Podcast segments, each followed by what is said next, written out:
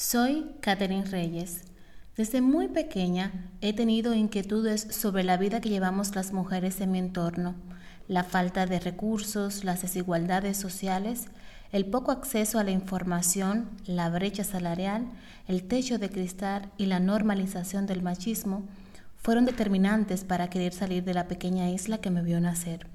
Hace más de media década llegué a Barcelona cargada de sueños y muchas expectativas aunque no he tenido la oportunidad de ejercer como periodista, he continuado escribiendo y realizando exposiciones referentes a las mujeres negras, mujeres migrantes también como yo.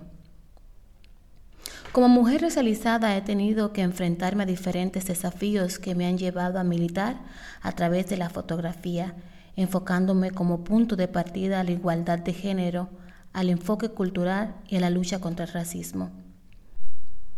Este 2023 y 2024, luego de tener la oportunidad de participar en el proyecto Historias Oculta, he podido ser consciente del aporte que ha hecho en mi vida coincidir con tantas mujeres y poder escuchar tantas historias diferentes, mujeres que como yo han vivido el proceso del duelo migratorio.